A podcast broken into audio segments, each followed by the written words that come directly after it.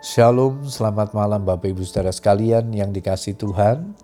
Kita bersyukur kepada Tuhan malam hari ini kembali kita boleh datang kepada Tuhan untuk menaikkan ucapan syukur dan doa-doa kita kepadanya.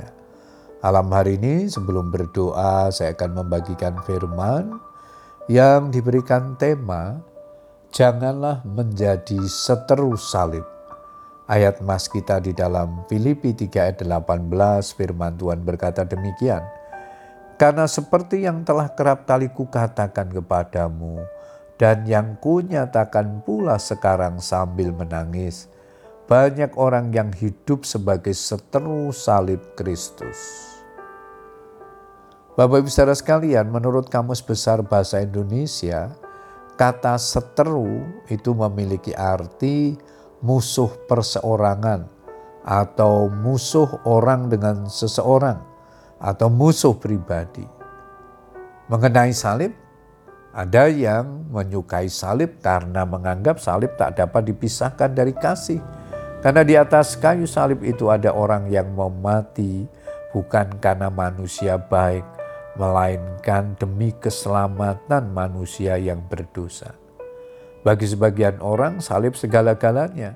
Karena salib ia diselamatkan, dosanya diampuni dan ia dibenarkan. Demikian sikap yang benar tentang salib, bahwa karena salib kita diangkat sebagai anak Allah. Pada salib ada pengharapan dan kepastian bahwa yang sakit disembuhkan, yang lemah dikuatkan, dan yang susah akan dihiburkan. Siapakah yang dimaksud Rasul Paulus sebagai seteru salib? Seteru salib bukanlah sekedar orang yang tidak percaya. Tetapi yang Paulus maksudkan adalah orang yang tidak peduli terhadap kuasa salib.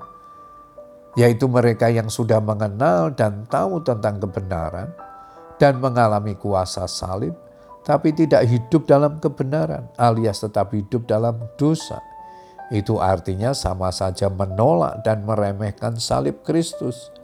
Sebagai orang-orang yang telah diselamatkan, hendaklah kita menjadi orang-orang yang menghargai salib Kristus. Karena kita ada sebagaimana kita saat ini, hanya karena darah Kristus yang tercurah di atas kayu salib.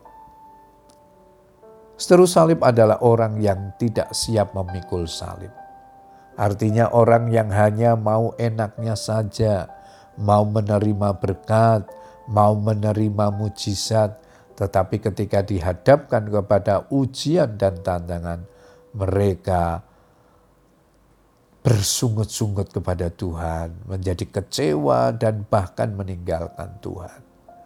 Matius 16 ayat 24 di sana dikatakan, setiap orang yang mau mengikut aku, ia harus menyangkal dirinya, memikul salibnya dan mengikut aku. Seterus salib adalah orang yang tidak menjadikan salib sebagai tujuan hidupnya. Tujuan hidupnya semata-mata untuk kepentingannya diri sendiri dan berorientasi kepada perkara-perkara duniawi. Galatia 16 ayat 14 di sana dikatakan, "Tetapi aku sekali-kali tidak mau bermegah selain dalam salib Tuhan kita Yesus Kristus. Sebab olehnya dunia telah disalibkan bagiku dan aku bagi dunia. Puji Tuhan Bapak Ibu Saudara sekalian, biarlah kebenaran firman Tuhan yang kita baca dan renungkan malam hari ini menolong kita untuk hidup seturut salib Kristus. Sadar bahwa kita adalah orang-orang yang diselamatkan, karena anugerah Tuhan, oleh karena kematian Tuhan di atas kayu salib. Karena itu janganlah kita hidup yang dibelenggu oleh dosa, hidup dalam kejahatan dan kita ketidakbenaran. Mari kita terus berjuang, hidup seturut salib Kristus, hidup dalam tuntunan firman Tuhan.